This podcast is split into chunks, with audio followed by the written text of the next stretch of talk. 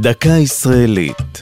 השבוע שבי ושחרור לציון 80 שנה לפרשת פדויי השבי, והפעם חיל החפרים.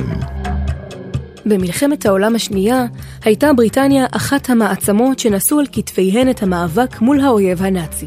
עמדתה העיקשת בלחימה מול גרמניה הביאה אלפים מתושבי ארץ ישראל, יהודים וערבים, להתנדב לצבא בריטניה. מרביתם שובצו לחיל החפרים, יחידת בנייה והנדסה.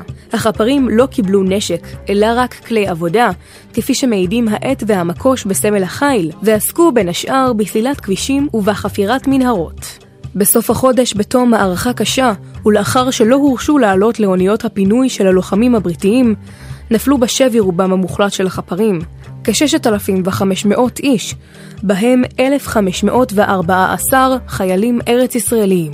הם הובלו למחנה הריכוז בשלזיה שבפולין, שם שהו בתנאים קשים במשך ארבע שנים, בסופן יצאו לצעדת מוות בת אלף קילומטרים.